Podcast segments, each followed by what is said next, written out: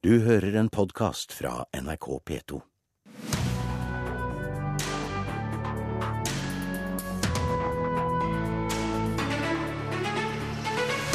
Sør-Trøndelag har for fjerde året på rad landets beste kulturkommuner, mens Østfold får bunnplassering.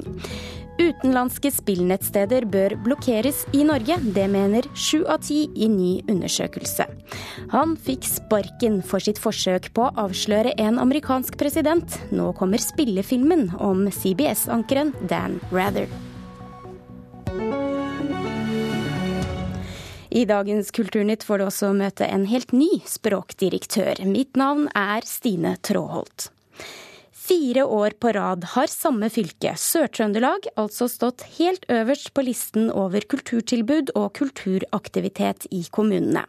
På jumboplass på det som kalles Norsk kulturindeks fra Telemarksforsking, ligger kommunene som utgjør Østfold fylke. Kjære dere, god sommer og hjertelig velkommen til Allsang på grensen! Katrine Moholt i TV 2 er blitt symbolet på sommerkulturen i Halden, en av Østfold-kommunene i kulturregnskapet. Et regnskap som Gunn Kristin Aasen Leikvoll ved Telemarksforsking har vært med på å lage. Østfold eh, gjør det eh, dårligst når vi ser på frivilligheten. Eh, Østfold rangerer òg lavt på museum, bl.a.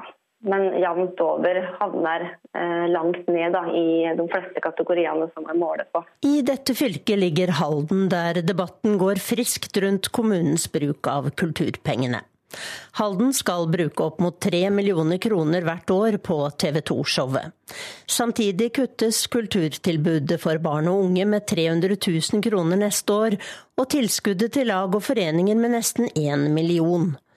Morten André Berger er leder i kulturrådet i byen, og forklarer jumboplassen slik. Det som skjer i Halden nå, er det som trekker Østfold enda mer ned. Den skjevheten med at vi ser så tydelig de pengene som brukes til allsangen, og vi ser også så tydelig at kulturbudsjettet blir kutta. Konstituert rådmann i Halden, Roald Vevelstad, synes de 300 000 kronene til Allsang på grensen er vel anvendte penger.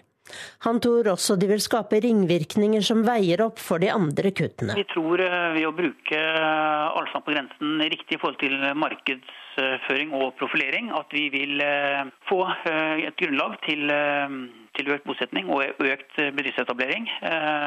Få økt omdømme til Halden kommune på en positiv måte, som har ringvirkninger. Når det gjelder kutta mot unge, så har vi sett det som en nødvendighet nå. Så tror vi at Bl.a. gjennom satsing på, på Allsang på grensen, at det vil skape aktivitet og en eh, tilføring av ressurser etter hvert.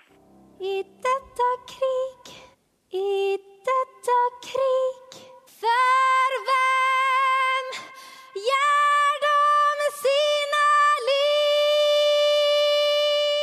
Musikkspillet Elden spilles på Røros, den flinkeste kulturkommunen i det fylket som ligger best an i kulturregnskapet. For helt i den andre enden av skalaen finner vi Sør-Trøndelag, forteller Gunn Kristin Aasen Leikvoll. Vi ser at Sør-Trøndelag bl.a. gjør det veldig godt på kino, men her er jo et veldig godt tilbud og aktivitet på biblioteksområdet, innenfor museum og konserter bl.a. Reporter i denne saken var Tone Staude. Bård Kleppe, du er forsker og kulturviter ved Telemarkforskning. Hvorfor er Sør-Trøndelag så mye bedre enn Østfold?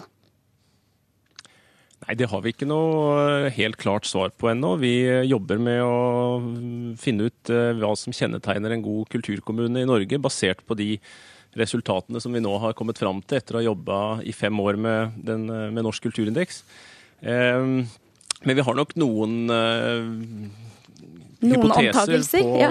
Noen antagelser, det har vi nok. Mm, og og, det- eh, og, og det er nok grunn til å tro at eh, at det har etablert seg noen eh, strukturer, ganske eh, klare strukturer, eh, som, som vedvarer over tid. Da. Eh, Og man kan eh, eh, Når det gjelder enkelte kategorier, sånn som f.eks. kulturskole og kultur for barn, som vi var inne på her, så vet vi at eh, prioriteringer og kommunale prioriteringer er eh, helt eh, avgjørende.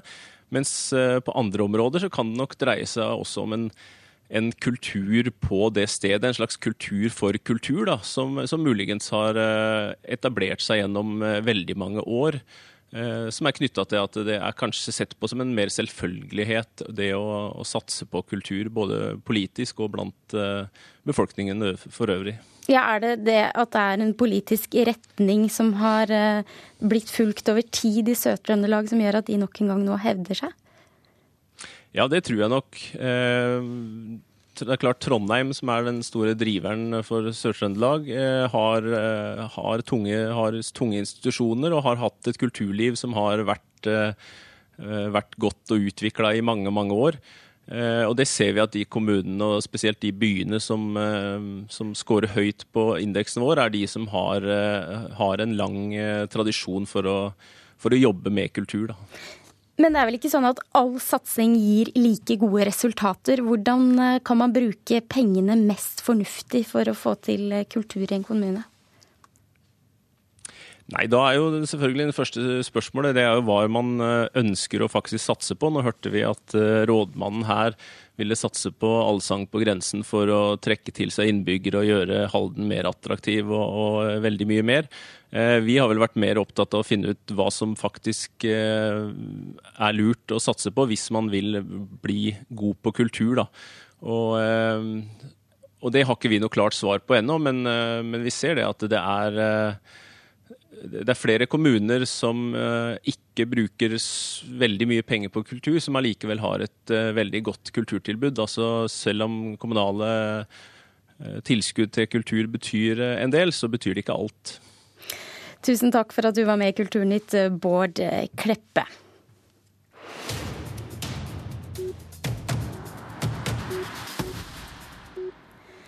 Flere norske kjendiser tjener godt på å reklamere for utenlandske spillselskap, selv om det egentlig er forbudt i Norge.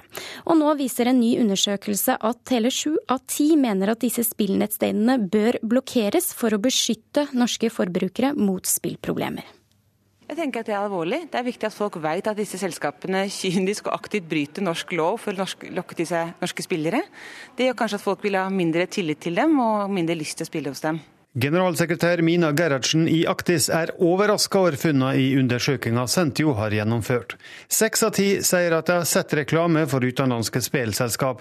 Flesteparten av dem har sett reklamen på TV. Akkurat nå gir det 30 freespins på Starburst, og husk hvert andre sekund er det noen som vinner. Men mange har også sett reklamen i blogger, nettannonser og i sosiale medier.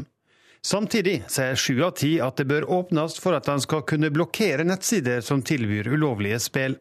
Å blokkere er jo et sterkt virkemiddel, men det er noe de allerede gjør i 15 EU-land. Eh, og vi tror at det vil ha veldig god effekt. Dette er eh, selskaper som ikke hører på milde oppfordringer fra norske myndigheter. Og da må vi bruke de maktmulighetene vi har, og det å blokkere er et veldig effektivt virkemiddel for å stoppe disse selskapene. Regjeringa arbeider for tida med ny spillpolitikk, men statssekretær Bjørgulv Vinje Borgundvåg sier det er for tidlig å si om det kan bli aktuelt å blokkere nettsider. Det er jo allerede ti EU-land som har slik IP-blokkering, og i Nederland er det foreslått. Så Dette er noe regjeringen ikke har tatt stilling til, men kulturministeren forbereder jo nå en ny stortingsmelding om pengespill. Så Det er et spørsmål som vi vil vurdere i arbeidet med den meldingen. Reporter Espen Alnes. Språkrådet har nettopp bestemt at det skal være greit å skrive nikab med K og quiz med quiz rett frem, altså. Norske skrivemåter som dette, det vil den nye språkdirektøren ha mer av. I dag så overtar du, Åse Vettås, eh, som landets øverste språksjef etter å ha hatt jobben som direktør for prosjektet Norsk ordbok 2014 ved Universitetet i Oslo. Du har da altså allerede ytret et ønske om å gjøre språket viktigere for flere. Hvordan skal du få til det? altså Språket vårt er jo en kulturgjenstand, kanskje den aller viktigste vi har, men det er òg eh, en bruksgjenstand. Og det er det vi bruker når vi kommuniserer med hverandre. Og jeg vil gjerne at eh, vi som jobber i Språkrådet, og som har språk som vårt eh, daglige arbeidsområde, skal legge til rette for at alle brukerne av norsk Eh, får interessene sine ivaretatt, og at eh, alle skal kunne spørre oss, og at eh, vi skal vekke enda mer interesse for det norske språket hos alle. Og så vil du altså ha mer fornorskning av ord, f.eks. quiz, da, som skal kunne skrives med K. Eh, hvorfor er dette en riktig måte å gjøre ting på? Ja, Nå har vel ikke jeg akkurat gått ut med noe slags uh, fanesak i den retningen sånn generelt. Nei, Men, men du er ikke opptatt men, av det? Jo da. Uh, dette syns vi er viktig. Altså, når, vi, når vi tar inn uh, nye enkeltord og, og, gir dem en normering, så er det klart at da er det viktig at de skal ha en skrivemåte og en fasong som eh, språkbrukerne kan, kan, lære lett, og som er, faller lett å bruke. Og når Språkrådet i høst gjorde vedtak om å skrive nikab med K, så er det fordi at den eh, Q-en som det skrives med på eh, originalspråket, den er den samme som vi finner f.eks. i kaffe, som vi skriver med K.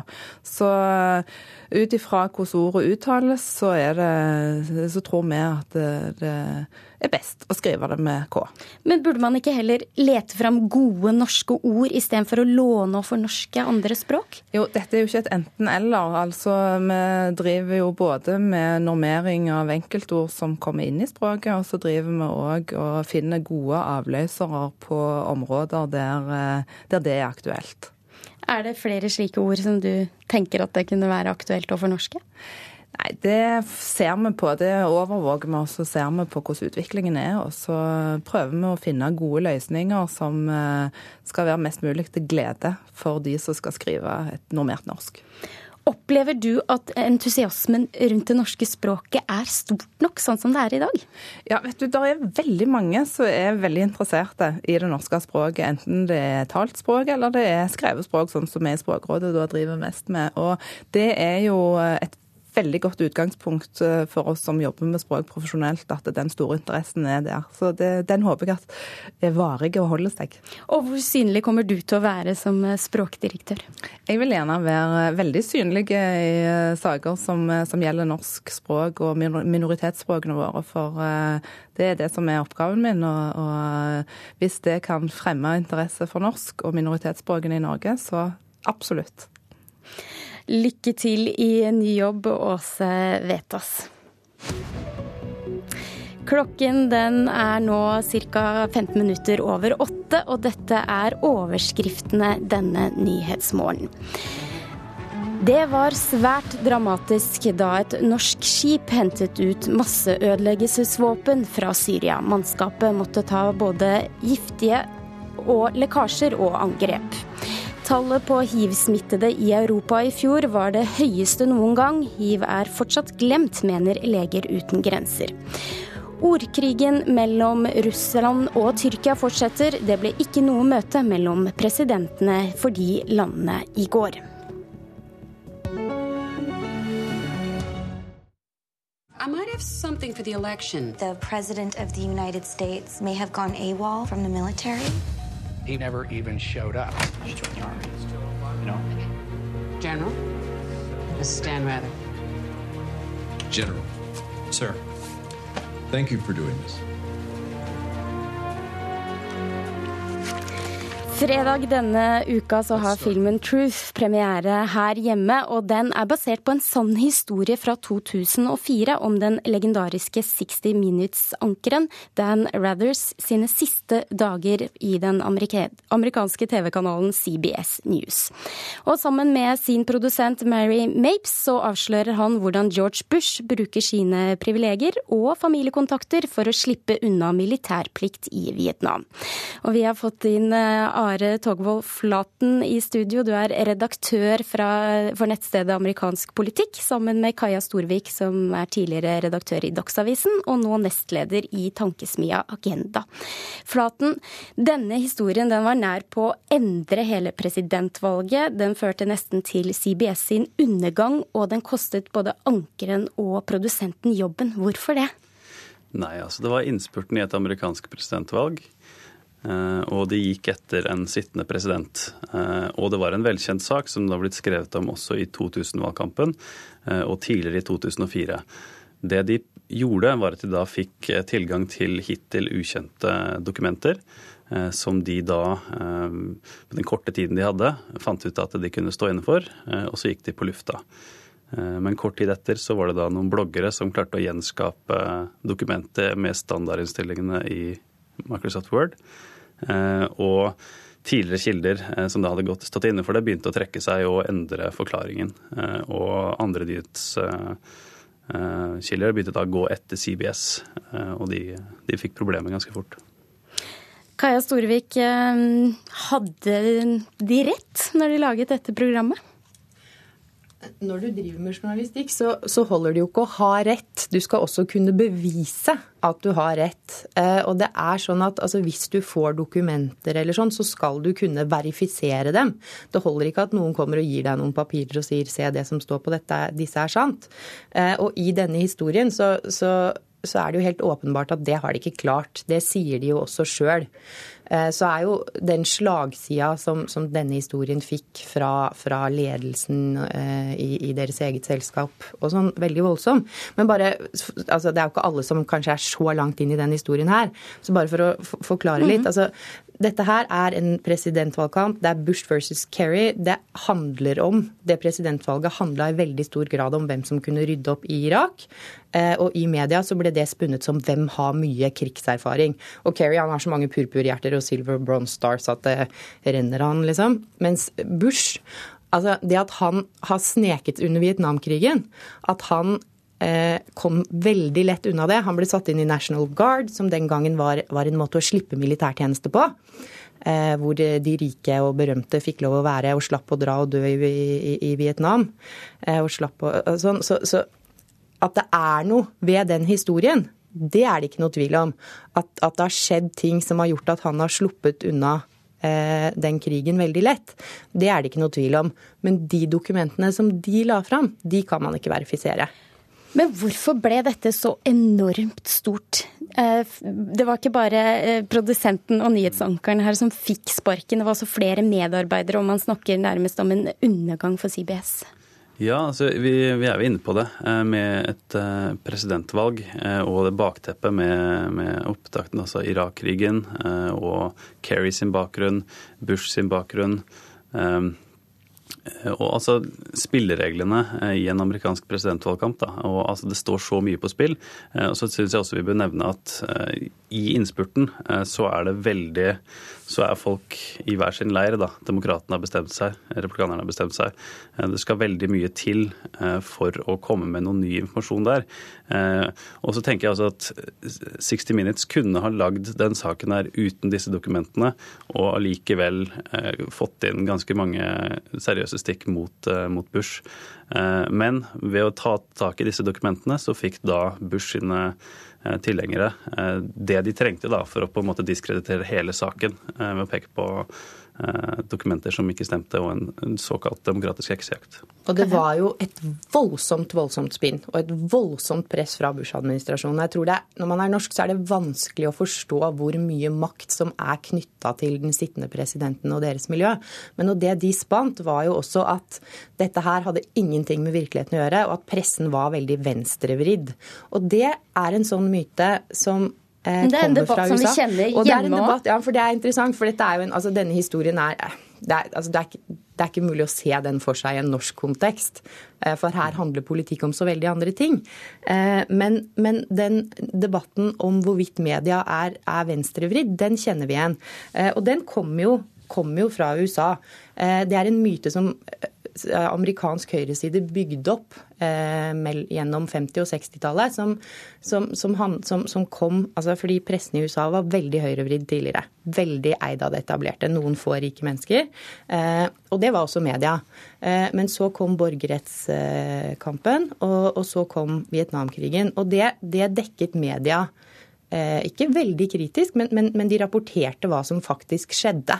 Eh, og det ble av etablissementet i USA sett på som Eh, et stort problem. Eh, og, og da satte man stempelet venstrevridd eh, på media. Mens det som kanskje egentlig da var litt venstrevridd, det var virkeligheten. Og vi ser jo det samme her i Norge. ikke sant? At høyresiden har et, har et spinn som er at media er venstrevridd, kildene er det, journalisten er det.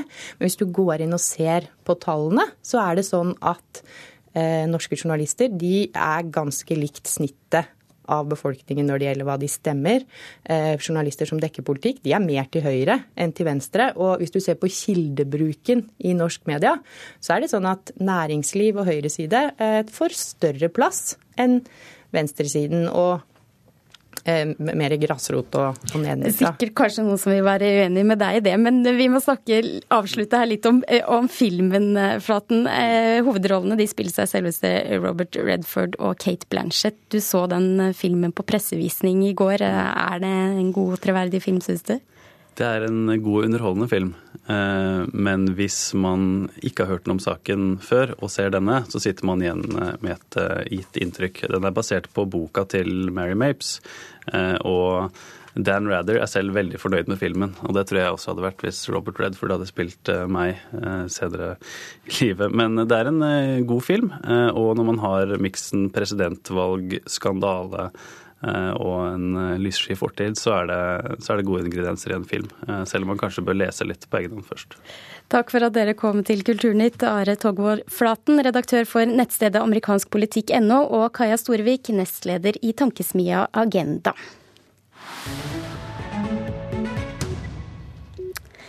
Samtidig som TV 2 slåss for statsstøtte for å kunne drive som allmennkringkaster, så tjener de to toppsjefene i kantalens danske eierkonsern 30 millioner kroner i året. Det melder Dagens Næringsliv. Mediepolitisk talsperson i Høyre, Kårstein Eidem Løvaas, sier til avisen at det er vanskelig å akseptere slike lønninger når TV 2 samtidig gråter for statsstøtte. Det strømmer på med legodonasjoner til den kinesiske kunstneren og systemkritikeren Ai Weiwei. Det melder Danmarks Radio. Kunstneren ble i september nektet å kjøpe store mengder Lego fra produsenten til kunstprosjektet hans. Årsaken var det politiske budskapet i kunsten hans, og i protest startet Weiwei en egen global innsamling. Da skal vi ha kunstanmeldelse, for demens og alzheimer er to brutale sykdommer som rammer mange, og et tema som er gjenganger i filmer, teater og bøker. Det har vi sett den siste tida. Men det er faktisk ikke så ofte at disse sykdommene er tematisert innenfor billedkunsten, og vi skal se nærmere på en utstilling som tar for seg nettopp dette. Utstillingen Støvkrystaller på Galleri F15 i Jeløya i Moss. Mona Palle Bjerke, er dette et tema som fungerer godt i billedkunsten? Ja, jeg syns dette er en strålende idé for en eh, utstilling. Dette er jo en tematikk som eh, har potensial til å gripe oss veldig sterkt. Det er en frykt eh, som, er, som, berører veldig dypt i oss. Den går litt sånn hånd i hånd med dødsangsten. Frykten for å glemme, og også bli glemt. Da. Og det er jo store spørsmål dette. Hvem er vi når hukommelsen rakner? Når vi bare har vage bilder tilbake? Og hvordan nærmer, seg, nærmer man seg disse spørsmålene i denne utstillingen? Ja, det er på veldig mange ulike måter. Da. Det er bl.a. Laila Kongevolds eh, korte film 'Almanakk', der hele fortellingen, eller hele dramaet, kan man si, utspiller seg i blikket til to gamle mennesker. Her er det da eh, Man tenker at det er kanskje et ektepar som sitter sammen, og det er uttrykket i øynene. Det er hennes veldig nærværende, bevisste eh, blikk, og som er fylt av ømhet og lengsel, og også fortvilelse og sorg. Og så er det hans blikk som bare er et rent fravær. Og hun griper hånden hans og vi ser at hun forsøker å gjenetablere en tapt nærhet, mens han viker tilbake som om han ikke kjenner henne. Det skjer ikke så mye. Den er ganske kort, men den er veldig gripende, hjerteskjærende film. Og så er det, det er flere kunstnere som har gått sammen her. Eh, eh, er det noen andre som skiller seg ut? Ja, jeg ble veldig fascinert av Victor Mikas utsikt. Det, det er altså et eh, stort fargefotografi, rektangulært, liggende format, som viser bare utsikten ut av et stuevindu. Og det er da visstnok moren hans sin utsikt, som han fotograferte kort etter at hun kom på hjem, for at hun skulle ha med seg dette, denne kjente utsikten som et holdepunkt for hukommelsen på gamlehjemmet. Og denne utsikten, det er ikke noe spektakulært ved den, den er ganske alminnelig. Det er liksom en eh, slett en eh, skogkledd ås, en liten beskjeden vei, noen små hus og noen strømmaster. Men dette er hennes utsikt. Og jeg tenker at en utsikt et sted der vi har bodd eh, lenge, det blir på en måte en del av oss selv. Nesten som speilbildet vårt. Sa innledningsvis at dette er en tematikk som ofte har gått igjen i mange filmer, bøker og teater den siste tida. Eh, hvorfor ikke før nå i billedkunsten? Ja, Det er egentlig litt rart, for her ligger det jo så, et så stort potensial. Jeg tenker at nesten man kunne latt være å eh, koble seg så tett opp til sykdomskategoriene, og kanskje kunne kalt det en utstilling om glemsel. Så kunne man viet ut perspektivet noe. For noe av det jeg opplever i møte med utstillingen, er at man kunne gjort enda mer ut av denne fantastiske tematikken. Det blir litt spinkelt, eh, rett og slett. Jeg står igjen med en følelse at jeg ville sett gjerne mye, mye mer. Man har også begrenset det til rett og slett kamerabasert kunst. Og det er veldig naturlig at man tenker at fotografiet det er minnene, det er legemliggjøringen av våre minner. Så det er et veldig godt egnet medium, også film. Men eh, jeg tenker at jeg ville gjerne også sett tekstil og maleri, skulptur, og at man kunne gjort mye mer ut av den denne tematikken, rett og slett. For jeg er liksom ikke mett når jeg går ut av utstillingen.